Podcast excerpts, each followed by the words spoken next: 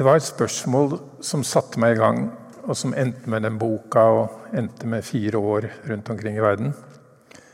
Og det var dette Hva er det som kommer til å endre framtida drastisk uten at vi har en ordentlig, offentlig, omfattende samtale om det i Norge? I hvert fall 10-15 år så har jeg tenkt at det er noen teknologiske gjennombrudd innen informasjonsteknologi og bioteknologi. Så tenkte jeg at Hvis du skal få denne samtalen som er ordentlig, offentlig og omfattende, så trenger man sånne folk som meg, som ikke er teknolog. Fordi Ellers så blir den ikke omfattende, og den blir heller ikke ordentlig. Da foregår den liksom i lukkede sirkler med spesielt språk. Så Derfor begynte jeg på det. og Det første jeg prøvde å gjøre, var å identifisere de eksistensielle gjennombrudd. Altså det som, ikke bare noe som går fortere eller blir billigere, eller annet sånt, men noe som har potensial til å endre våre kropper, våre sinn og vårt samfunn. Og Det begynner den lappen som dere har fått, med å beskrive. 13 sånne gjennombrudd på den ene siden. Og så trenger du ikke å ha den lappen opp før på slutten, for da kommer det 13 nye ting som handler om motstandsbevegelser. Men disse gjennombruddene først. Kunstig intelligens, som vi fikk et eksempel på her. Og det er en type gjennombrudd som vi har La oss si de siste 200-300 årene så har vi kanskje hatt et par ting som ligner. Det ene er dampmaskinen, og det andre er elektrisiteten. Men jeg tror kunstig intelligens er større enn det. Noen mener at det er den viktigste oppfinnelsen i menneskehetens historie. Fordi den kan skape så veldig mange andre nye oppfinnelser. Bl.a. smarttelefonen. Og den er jo ikke stort mer enn ti år i Norge. Men er det noe som har forandret hverdagen vår mer? Det er jo for så vidt bare en samling av eh, oppfinnelser fra forrige århundre. Kamera, eh, GPS, Internett, telefon, også, mobiltelefon osv. Og, og mye mer. Eh, men den, ved hjelp av kunstig intelligens har det blitt enormt viktig for svært mange av oss. Og så er det tingenes internett, som er det som er på full vei nå. og Da kan man bare prøve å tenke på nesten en hvilken som helst ting som du ikke trodde kunne kobles til internett, og det kan den sannsynligvis. Jeg skal komme tilbake til det. Og så har vi det som heter utvidet virkelighet. Og det blir ofte sånne briller. altså sånn, Det er den måten de prøver å gjøre det på. Kanskje etter hvert blir det øyelinser. Og da legger man på en måte en digital virkelighet utenpå den virkeligheten jeg ser nå. Og her nede ser jeg f.eks. et ansikt. Og da vil denne brillen hjelpe meg til, med ansiktsgjenkjennelse til å se at det var navnet ditt, ja. Og så henter det opp masse stoff på internett om deg. Og sånne briller bruker f.eks. politiet i Kina. Og jeg syns det hadde vært en god idé for min del, eh, fordi jeg glemmer navn. Men det er ikke så greit når politiet bruker det.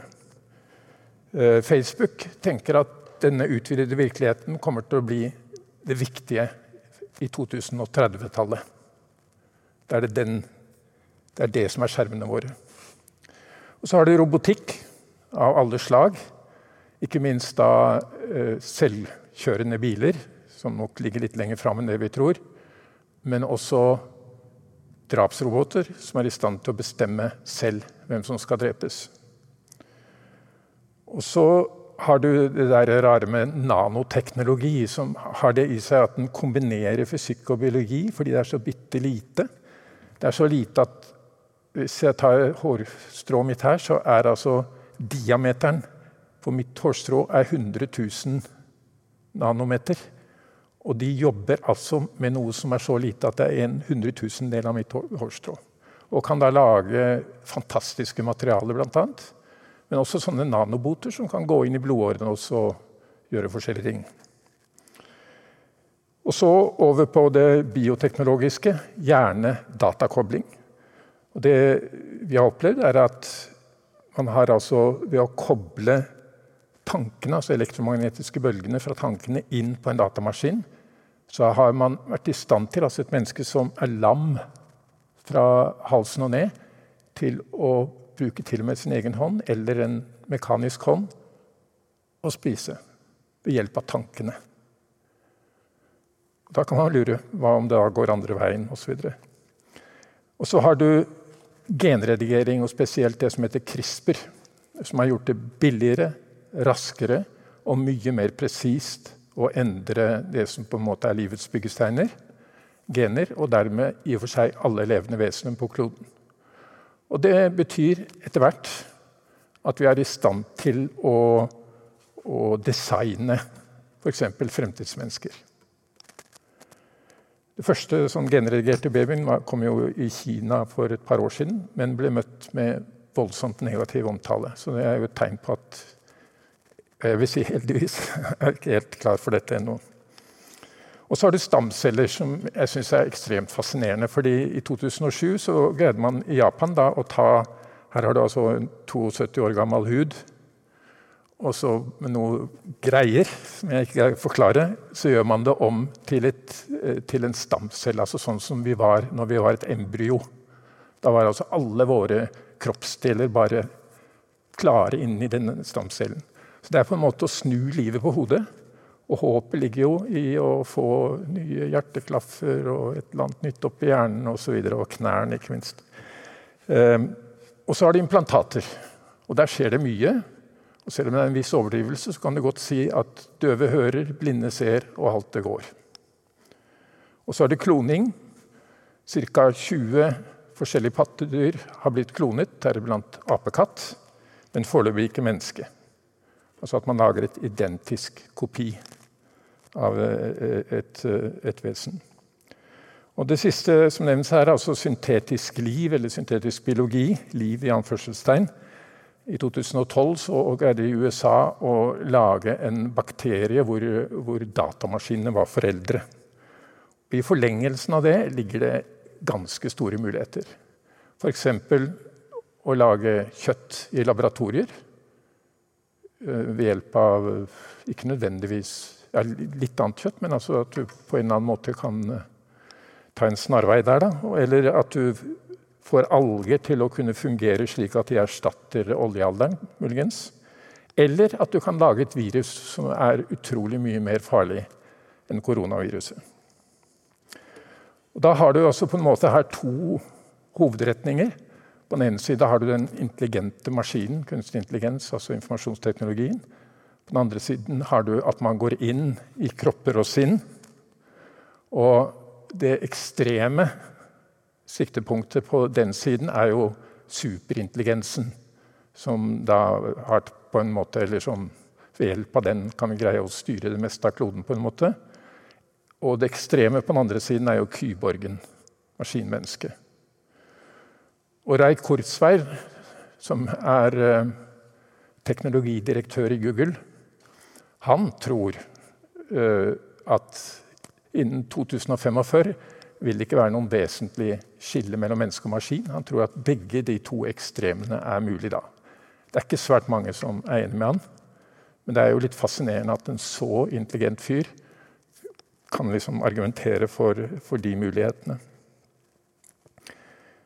Når jeg ser på de 13 tingene her for eksempel, som jeg har nevnt, så må jeg jo innrømme at her har du noen vidunderlige gaver som kan hjelpe syke mennesker, friske mennesker, kan hjelpe oss på utrolig mange måter om vi bruker det rett. Noen vidunderlige gaver. Men så er det altså noen som styrer dette. Og veldig mye sånn teknologi-etikk-diskusjon handler ikke om makt. Men jeg kommer i stor grad til å snakke om makt nå. Fordi det handler om å ta et oppgjør med de som styrer det, hvis dette skal gå den rette veien. Det fins altså noen teknomakter som har forretningsmodeller, som har verdier, og som har på en måte en, er sånn plassert i samfunnet at de har en sosial slagside. vil Jeg kalle det. Jeg kan gi ett eksempel fra, fra bioteknologien, som jeg ellers ikke kommer til å berøre så veldig mye. Og det er genmodifisering. Jeg jobbet i Etiopia under hungersnøden og var svært begeistret for muligheten for å kunne få kornsorter som som tålte tørke. Ikke sant? Fantastisk. Så kom jeg ti år etterpå og jobbet i Naturvernforbundet. Og da var det masse forslag til genmodifisering av plantesorter i Norge. Og alle ble genmodifisert for å tåle gift. Hvorfor i all verden? Ideen var jo da liksom at, ved, at, at nytteplantene tålte gift, så ville de andre plantene forsvinne. Såkalt ugress.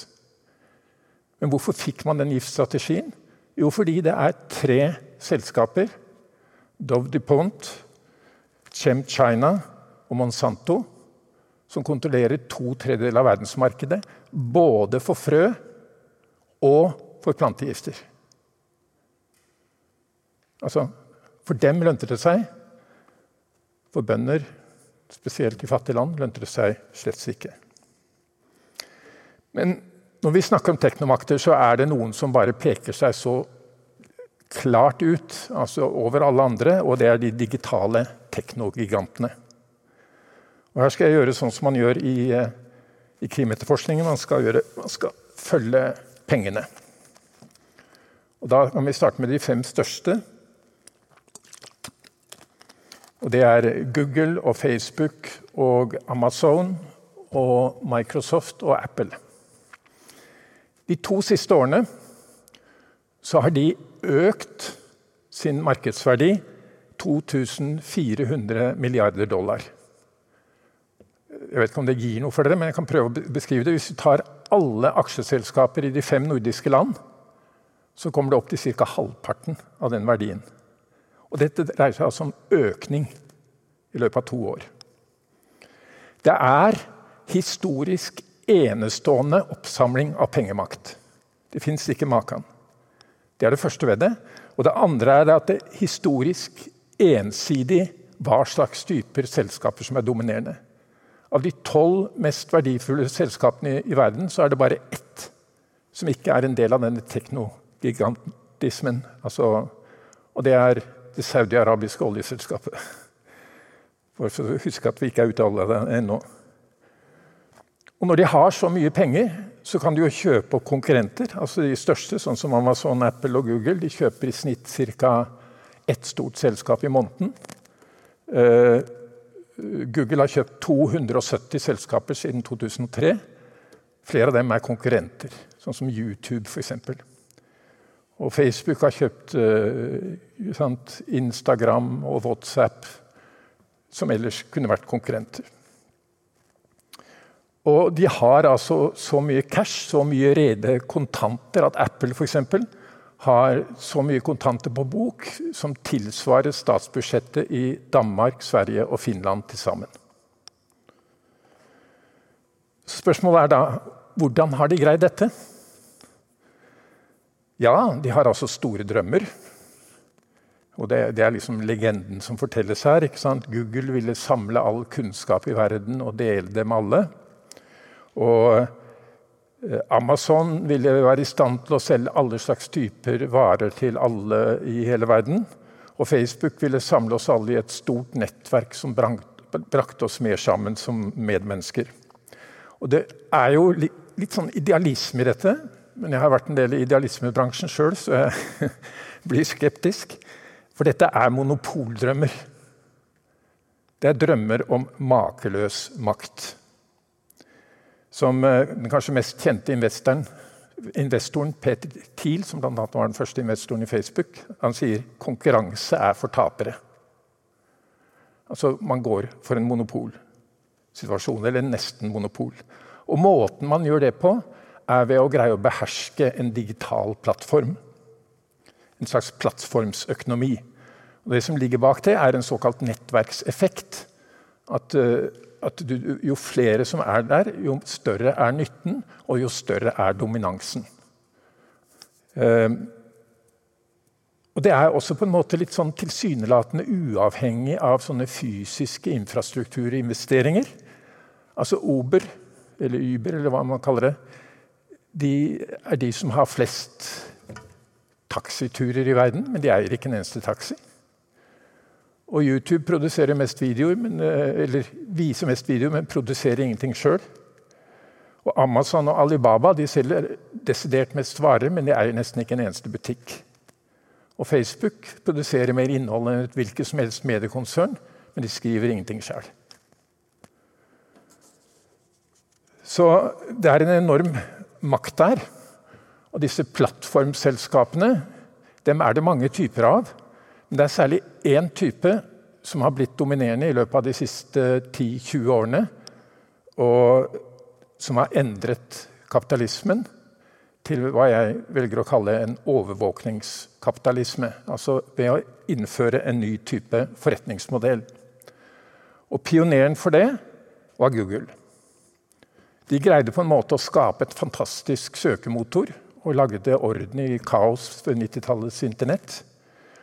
Og så tenkte de en stund at vi kan ikke ta annonser, for det, det liksom, det er jo, da er det ikke brukerne vi tenker på.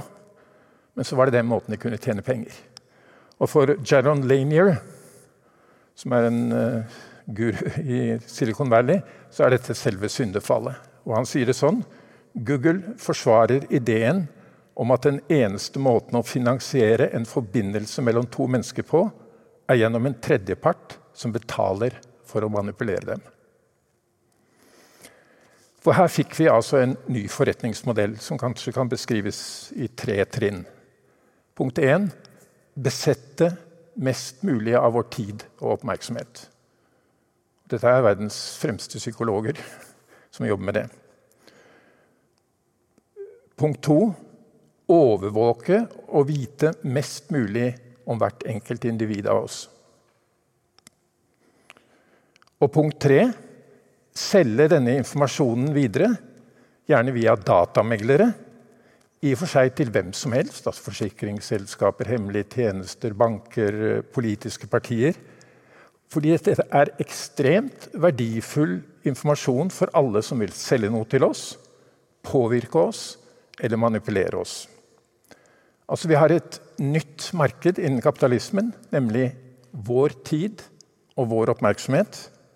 Vi har en ny valuta, data om oss. Dette er overvåkningsøkonomien. Sean Parker, som var den første direktøren i Facebook, han eh, er en av de som er sånn halvveis avhopper og, og varsler. Han, han sier det sånn Facebook ble utviklet med dette for øye.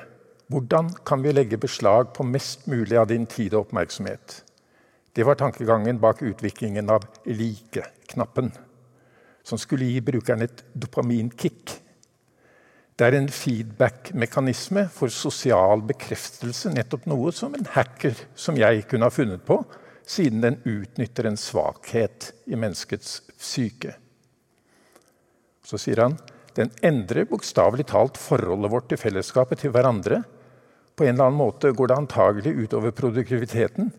Bare Gud vet hva det gjør med hjernen til barna våre. Dette er altså ikke bare en historisk oppsamling av pengemakt, men det er også en historisk oppsamling av en type makt over vår oppmerksomhet og kunnskap om vår sjel. Og det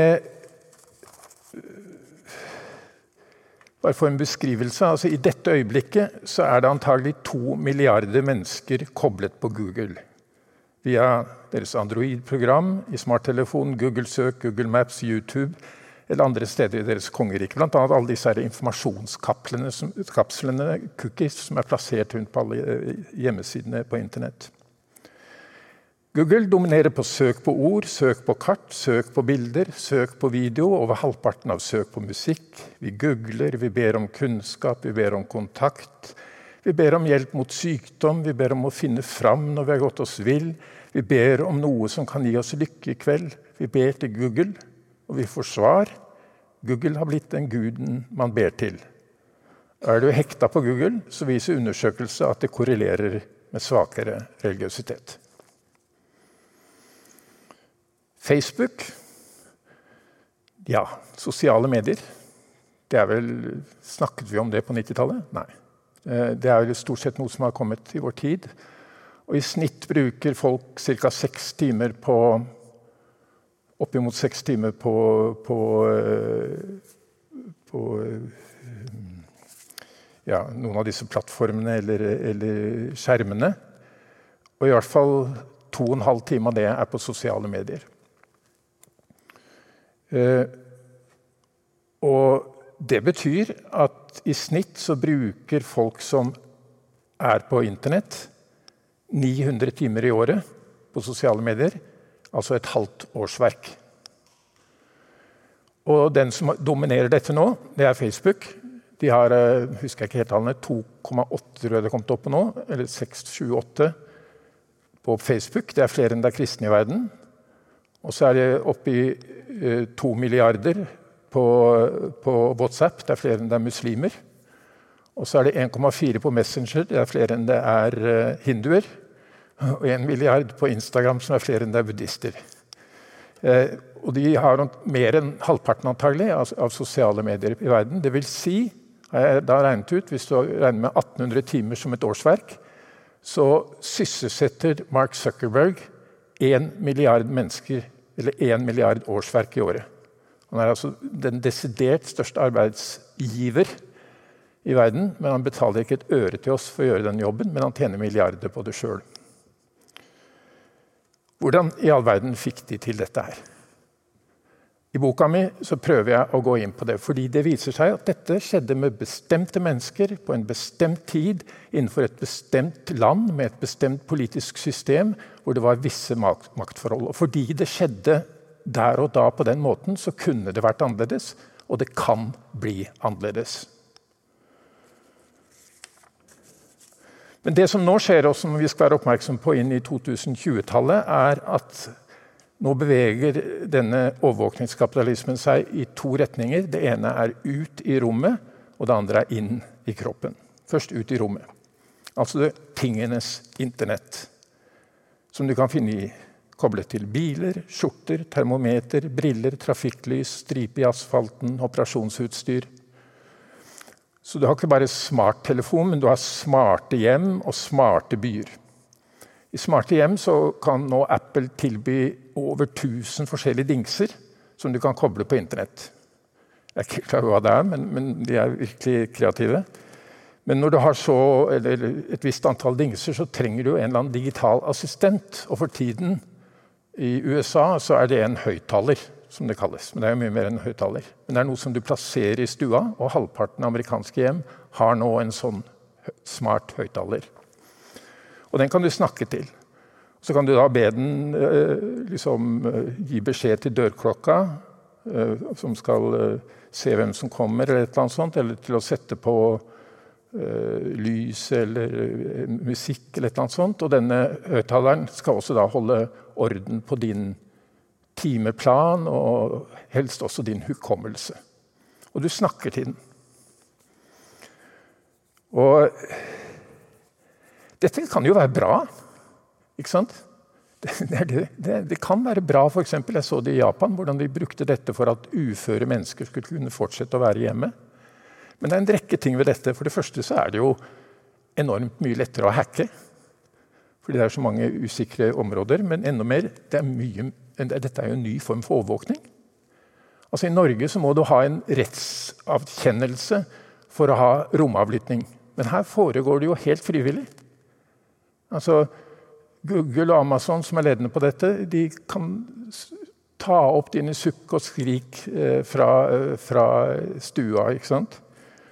Og, og, det gjør de veldig avansert. Amazon de samler ikke bare på ordene, men de analyserer stemmeleiet ditt for å kunne liksom definere hva slags uh, følelse du har akkurat nå.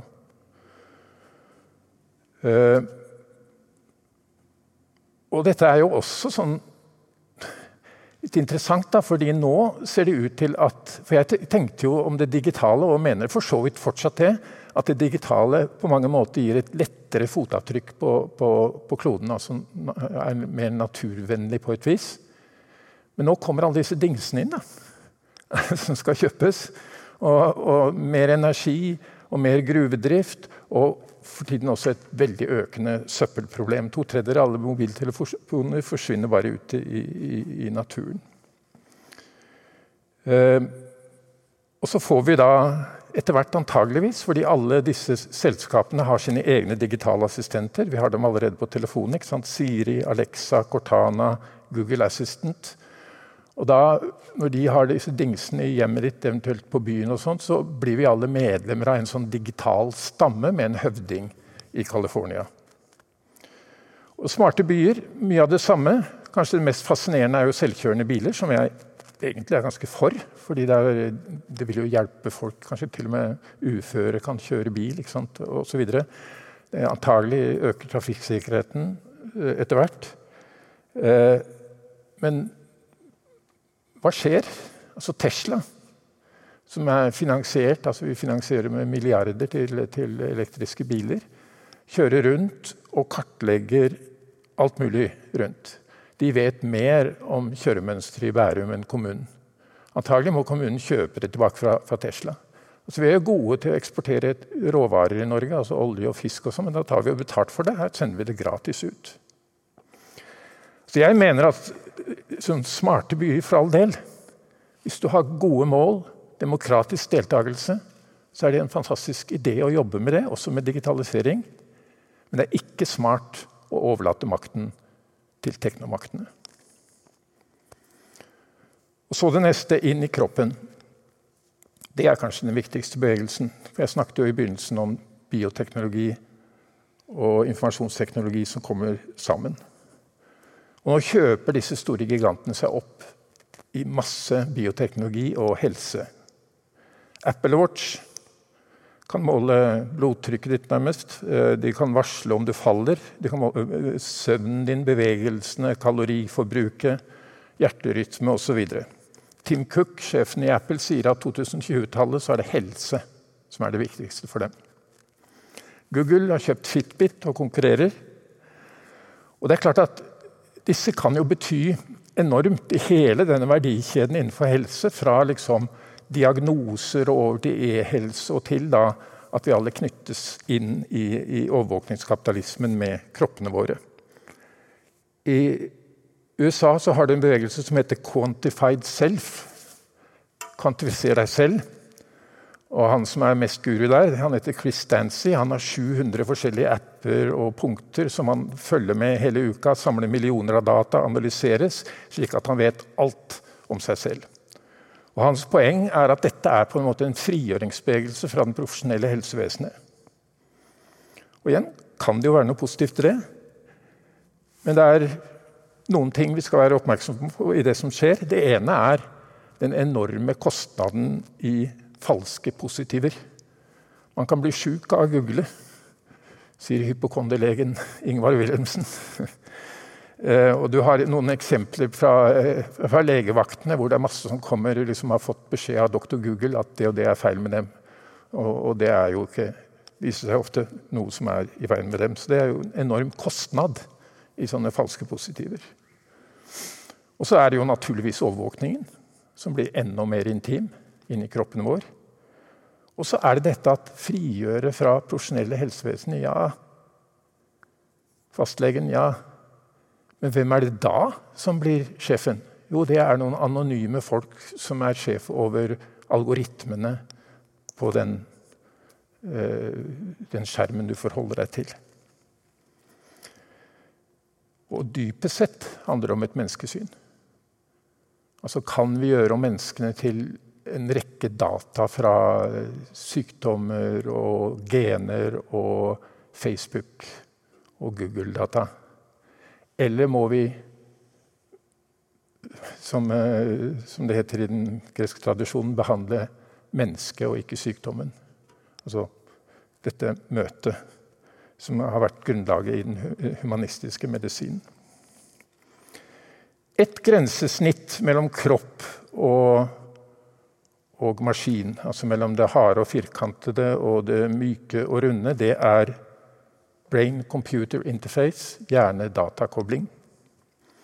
Der har vi for tiden nå tre eh, ja, flere, men kanskje tre mest fremtredende eh, initiativer eh, hos teknologigantene. Elon Musk i Tesla han er faktisk veldig redd for kunstig superintelligens. Så han tenker eneste redningen er at du må koble datamaskinen på hjernen. Så han lager sånne chips som han fester inni her, da, med sånne mønstre som han bl.a. fått en har brukt det mye på apekatter, som da også med tankene sine kan drive og kjøre sånne dataspill og sånn.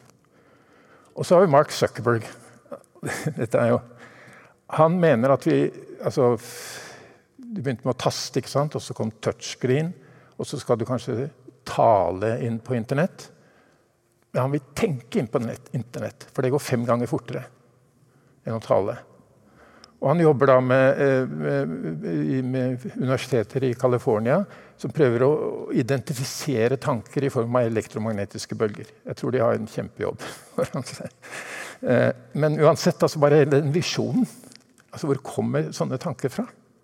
Hvordan er det mulig? Jeg bare tenker rett inn på Facebook. Oh. Eh, og Ray Korsveil igjen, da. Han tenk, har lyst på å få sin hjerne analysert og plassert inn, et, inn, på internett, i et slags kosmisk internett, tenker han da. Og så tenker han etter hvert så kan du kanskje ved hjelp av nanoteknologien begynne å lage kropper ut av det. og sånn. Så han jobber med dette for å leve videre på internett. Et uendelig liv.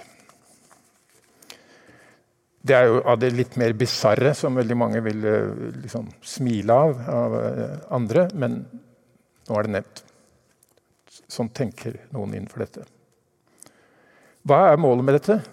Målet er å forutsi og predikere hva folk ønsker å gjøre, og egentlig å manipulere hva vi gjør, altså atferdsendring.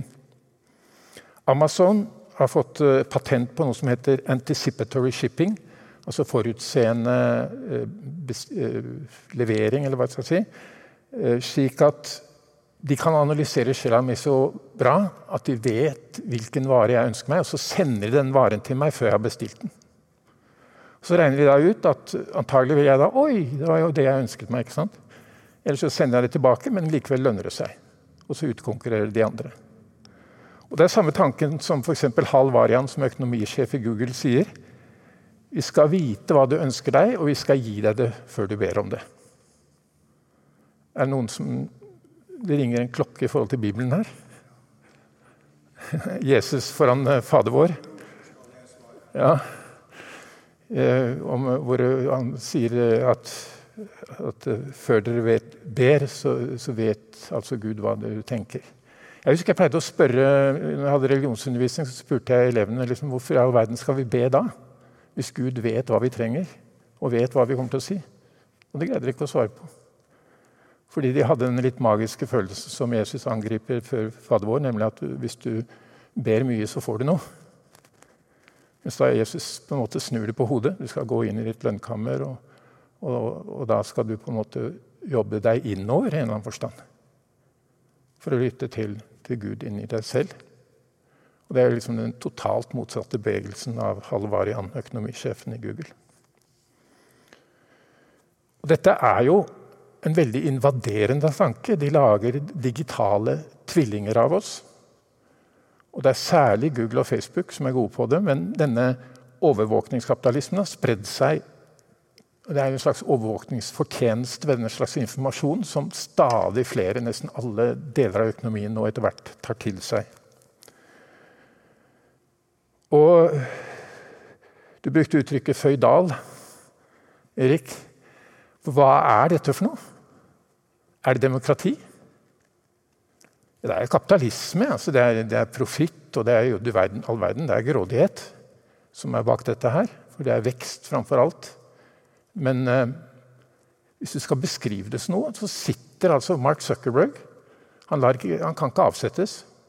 Det samme med, med Page og, og Bind i, i, Google. De sørget for at, styret, at de hadde full kontroll over styret. Og det er motsatt det som var vanlig i USA. Så De er altså føydale herrer med et globalt digitalt regime. Altså, de har sine motstandere, og jeg tror de nå kommer til å merke det mer og mer. Og det, det er klart at På et eller annet tidspunkt så blir dette både spørsmål om verdier, og det blir spørsmål om at her sitter en gruppe mennesker, stort sett menn, stort sett hvite, eh, langs noen få kilometer av Californias kyst. Og så har de noen få da, i Kina tilsvarende. To av de tolv eh, mest verdifulle er i Kina. Og de styrer altså mer enn kanskje noen andre mennesker har vært i stand til å styre over, over kloden på, i moderne tid. Og da begynner jo dette å handle om veldig mye forskjellig, men grunnleggende sett om demokratiet. Og nå kommer reaksjonene. Det blir kalt techlash i eh, USA. Særlig siden 2016, når man så at man faktisk kunne manipulere valg. Og det interessante er egentlig at de reaksjonene som kommer nå, er veldig spredt rundt omkring. Forskjellige politiske holdninger, forskjellige klasser, sosiale lag, forskjellige kulturer eller ting. Men det er veldig mange som nå reagerer på sider ved denne overvåkningskapitalismen. Og Det er det jeg oppsummerer med disse 13 motstandsbevegelsene. Som vi kan se. Noen eh, er organisert i institusjoner, noen er veldig løselige. Eh, men de er underveis, og det er et veldig potensial i dem. Og Jeg går bare fort gjennom dem. Vi har personvern mot overvåkning. Du har eh, Datatilsynet, naturligvis. Forbrukerrådet i Norge gjør en stor jobb. Amnesty. Som, eh, og du har fått lovgivning i EU som sier at vi skal få lov til å vite hva de vet om oss. Vi skal få lov til å slette ting osv. Det har ikke begynt å funke ordentlig ennå, men det er ting på gang. Så har arbeidernes rettigheter mot plattformselskaper, som jeg ikke har snakket om nå. Men disse plattformselskapene de ansetter jo folk til å jobbe for seg, f.eks. Uber-sjåfører eller sånne som sitter og korrigerer. Det er 30 000 som korrigerer Google og Facebook og tar vekk innhold sånn. Som da er såkalt kontraktører. De har ikke de vanlige rettighetene som arbeiderne har, til tross for at de styres som arbeidere. Du hadde Med Fodora-streiken her i, i, Norge så fikk de noe av de problemstillingene opp. Der begynner fagbevegelsen nå å, å mobilisere eh, i forhold til det at, at de som arbeidere og Høyesterett i England har nylig bestemt at de skal kalles arbeidere og ha de samme rettigheter som andre. Og så er det bedrifter mot unfair konkurranse. Når Amazon nå kommer inn i Sverige og Norge etter hvert, så vil du oppdage at de opp, lager et stort torg, denne plattformen. Og de selger egne varer der. Og de vet alt mulig om de andre, og får altså en konkurransefordel som er unfair. Og det kommer man til å reagere på. Og så har vi det som Erik bl.a. var borti. Altså åndsverk. Altså Google var jo helt rå. De bare, altså de bare tok avisartikler, de tok uh, videoer. De gikk inn i biblioteker og lastet opp uh, store lastebiler med bøker og kopierte uten å spørre noen. Uten å bry seg om åndsverkslov, uten å bry seg om nasjonale lover. Og de reiste rundt hele verden og fotograferte uh, Google Street View uten å spørre noen. ikke sant? Nå begynner det å slå tilbake i, i endelig, 10-20 år for seint. Australia. Eh, så, så, skal de nå begynne å betale aviser. Vi får se hva som kommer ut av det. Og så er det politikere mot monopoler. Og nå er det ikke bare EU, nå er det også det amerikanske systemet som har kommet sterkt opp. Og ikke minst det Konkurransetilsynet i USA nå holder på å endre politikk radikalt. Vil bl.a. splitte opp uh, Facebook. Og så har du skattebetalere mot skattesnytere. Disse betaler jo ikke noe særlig skatt i det hele tatt. De betaler omtrent halvparten av hva uh, andre selskaper gjør. Nå har Biden foreslått at alle skal betale 23% skatt. Ganske sterke ting ute akkurat nå. Og OECD jobber med det. Frankrike har bedt om en digital skatt osv. Eh, altså det, det er ting som skjer. Og så har du nasjonal kontroll mot eksport av nøkkeldata. Altså I løpet av ikke mer enn fem, seks, sju år så har Apple, Microsoft og Google inntatt den norske skolen og dominert undervisningsmidlene. Og de får data, særlig fra elever, til dels fra eh, lærere, til dels fra foreldre til og med. Hva skjer med de dataene? Det vet vi ikke. Det er lovet at de ikke skal bruke de annonser mens de er elever, og sånn, men hva etterpå? De skaper et type avhengighetsforhold. Så Det er skolen, men hva med transportsystemet, hva med helsesystemet? Og der er det jo noen av disse som sitter på dette, sånn som eh, Folkehelseinstituttet, eh, Ruter, Forskningsrådet og, Skatteetaten osv. som sier at dette må vi sikre nasjonalt. Dette må vi ha en demokratisk nasjonal kontroll på. Og så har vi det store spørsmålet. For vi vet nå såpass mye fra forskning og intuisjon for den saks skyld, at når du skriver på Internett, spesielt sosiale medier, så øker trykket. Altså det er en trykkoker. Og man, altså man, blir slemmere, rett og slett. Og så er det da vist at hvis du lyver, og det er klart løgn, altså vært som faktasjekkeorganisasjon, så får du en spredning som er til dels 100 ganger så større enn en sannhet, for den er ikke så interessant. Så, så det er ting altså, som er, ligger inne i systemet her, og dette har de jo måttet kjempe med, særlig pga. valg i USA og pga. pandemien. Så nå jobbes det jo med det på veldig mange måter, med masse typer konflikter, også fordi man skal jo sikre ytringsfriheten. ikke sant? Så, så, dette er liksom noe som vi alle må delta i på vegne av demokratiet. Og så har det den ganske interessante ting med yrkesetikk mot algoritmebokser. Jeg nevnte litt rundt fastleger nå. Jeg tror ikke de har lyst på å bli erstattet av sånne algoritmesystemer. De tenker at deres skjønn er verdt det. Og jeg vet det samme skjer i politiet. Hvor man får sånne pakker som skal fortelle deg hvor, hvor, hvor du skal arrestere folk, nesten. Altså hvor de er og, og sånne type ting. Så der er det en sånn interessant. For de er interessert i å bruke systemene, men de er ikke interessert i at de skal overta. Så har det hele spørsmålet om naturvern. Der har ikke miljøbevegelsen vært helt frampå. Men der skjer det store ting i tilknytning til gruvedrift. Altså en liten mobiltelefon. Det kan være noen gram der som fører til at man må flytte flere tonn i Afrika for å få det.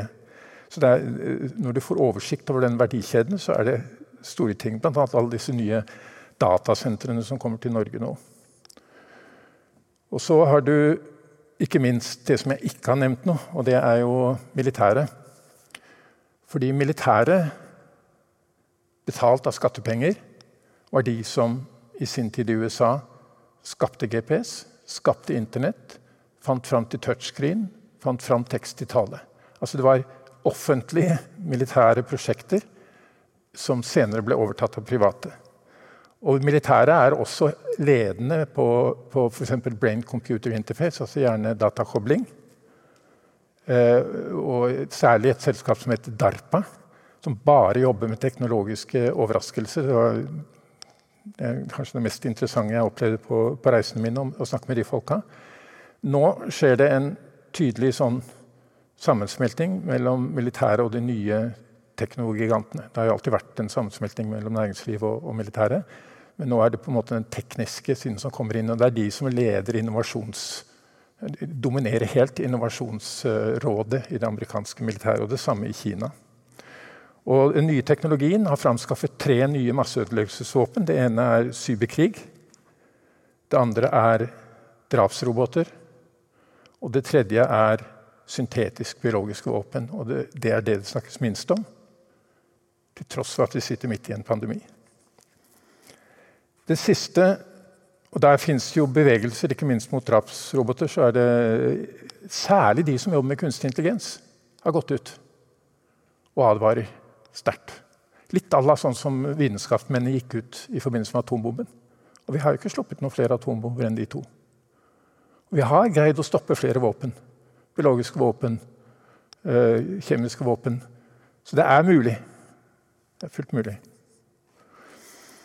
Og så til slutt, det som kanskje betyr mest for oss, det er jo dette at man Mange, da.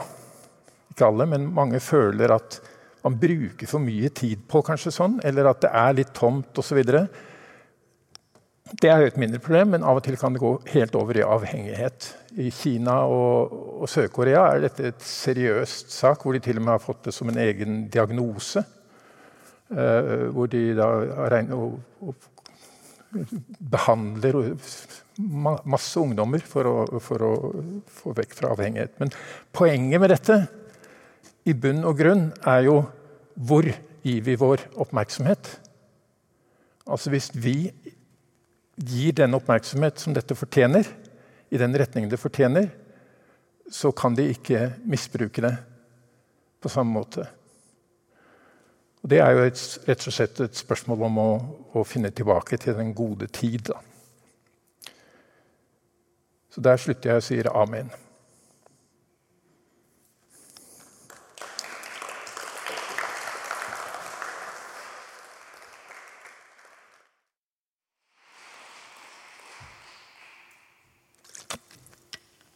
Skal du stå der nede og jeg er her oppe? Nei, du må komme ned. Ja, komme ned der, fordi før, før vi da slipper til eh, den kunstig intelligens-framstilte Frank Sinatra som skal synge en julesang for oss til slutt, så bare så har jeg lyst til å bare spørre deg et par ting, Dag. Selv om det bryter litt med svovelpreke, den autoritære svovelpreken-modellen. Men altså, jeg opplever gjennom livet at vi har beveget oss fra en ganske samstemt begeistring over teknologi, som har fulgt oss hele livet, egentlig. Altså jeg, jeg, har opplevd stort sett bare en sånn unison begeistring for teknologi helt fram til bare det siste tiåret.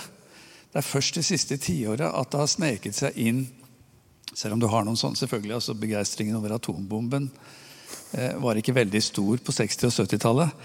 Men sånn, den, teknologien som vi ser i dagliglivet vårt, den har vi bare vært glade for helt fram til de siste ti årene. Og noe av det som toppet en, mer en sånn usikkerhet på om dette var så bra, det var jo valget i USA i 2016, og hvordan man opplevde at at eh, Facebook og andre plattformer kunne manipulere dette valget. Og så har jo sånne folk som er litt bransjenerder som meg, vært skeptisk til Spotify og alt sånt fordi det skaper denne avhengigheten. Men når du ser deg rundt, når du hører programmer i NRK og leser artikler i avisene, så har stort sett journalister vært fryktelig teknologibegeistrede. Og egentlig bare vært pådrivere for alt dette her. Men så har jo noen stemmer sneket seg inn, sånn som eh, Harari, som har skrevet Homo Deus, og sånt, som peker på alle farene ved dette her. Og da jeg leste Homo Deus, så ble jeg skikkelig deppa. Jeg måtte mobilisere alt jeg hadde av tro på mennesket og mulighetene og sånn, for å stå imot den bølgen av apokalyptisk følelse som den boken ga meg. rett og slett. Men så leste jeg boka di og da blir jeg litt mer optimistisk igjen, fordi du pekte på mange handlingsalternativer, sånn som du gjorde nå. Eh, men når jeg nå hører på disse handlingsalternativene som du presenterte her nå med disse 13 motstandsbevegelsene, så blir jeg allikevel litt motløs, for det er jo fryktelig mye å gjøre. Altså, det er jo så ufattelig langt fram før vi kan få kontroll med disse tingene som har så mange dystre sider ved seg, selv om det er mye godt med teknologi. Så jeg lurer bare på er det ikke for seint? Kan nasjonalstater få demokratisk kontroll over disse tingene?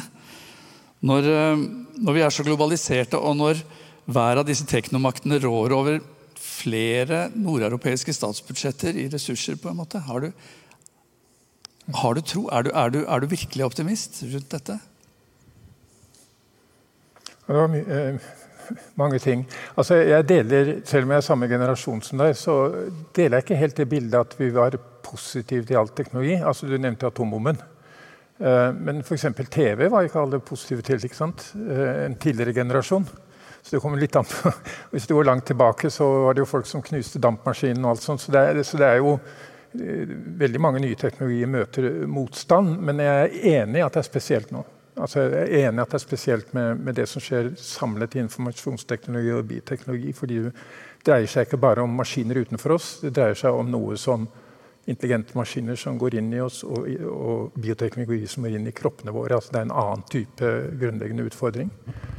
Uh, og jeg tenker at Når jeg ser på de bevegelsene som jeg har prøvd å, å, skrive opp, og jeg har ikke sett at noen andre har gjort noe lignende faktisk tenker så tenker jeg oi, så mye du kan gjøre her. altså, fordi det faktisk korresponderer med interesser til folk.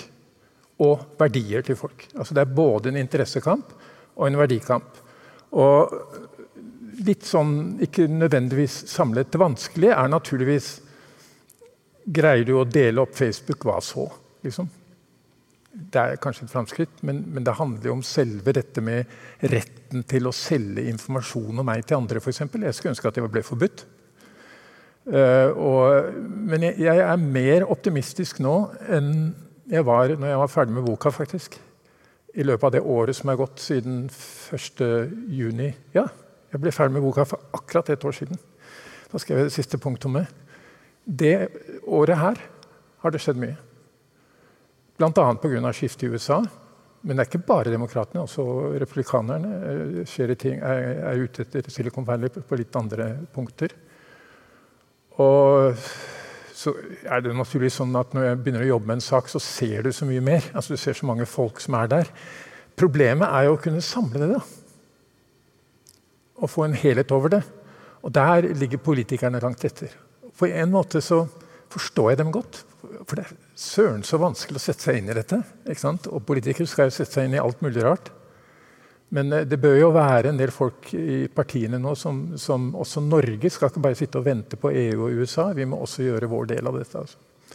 Og jeg, jeg, tror at, eh, jeg tror det er en stor folkelig støtte, ikke for å ødelegge maskinene, men for å rette opp de mørke sidene ved overvåkningskapitalismen. Ja, men Det var godt å høre, Dag. Det, det var da, da, da, blir jeg også litt optimist når du, når du, faktisk er det, med den kunnskapen du besitter. Um, men hva med Kirkens rolle i dette her? Ja. Siden vi nå står i et sånt rom som dette. Hvor, hvor, er Kirken blant disse 13 motstandsbevegelsene? Jeg opplever en voldsom sånn teknologientusiasme i Kirken, hvor man tar i bruk de sosiale mediene og nærmest lager gudstjenester der og vil være der hvor folk er, og bare gir seg det hele litt hen, litt, litt i vold. Mm. Men Kirken har jo f.eks. For en fortelling fra de aller første sidene i Bibelen om at mennesket spiste av kunnskapens tre. Og så skjedde det en del ting som kanskje er en beskrivelse av hvordan mennesket ble menneske. egentlig. Men så står det noe om noe som et livets tre. Mm. Eh, og det måtte bevoktes slik at ikke menneskene noensinne skulle spise av livets tre. Og kanskje er det det vi er i ferd med å gjøre nå. Men hvor er Kirken da oppi hele denne verdidiskusjonen som dette jo er? Ja, jeg, har vært litt feig når jeg har skrevet boka. for jeg, altså jeg, kunne skrevet mye mer ut fra en, en, en, et kristent ståsted, der hvor jeg på en måte står sjøl. Men jeg har prøvd å sette meg inn på en mer sånn humanistisk fellesplattform, da, som jeg redegjør for. Men poenget er jo at veldig mange av disse folka er jo spott gærent religiøse. altså de, de, jobber med å få udødelighet og fjerne all lidelse. og altså Den såkalte transhumanismen er jo en religion.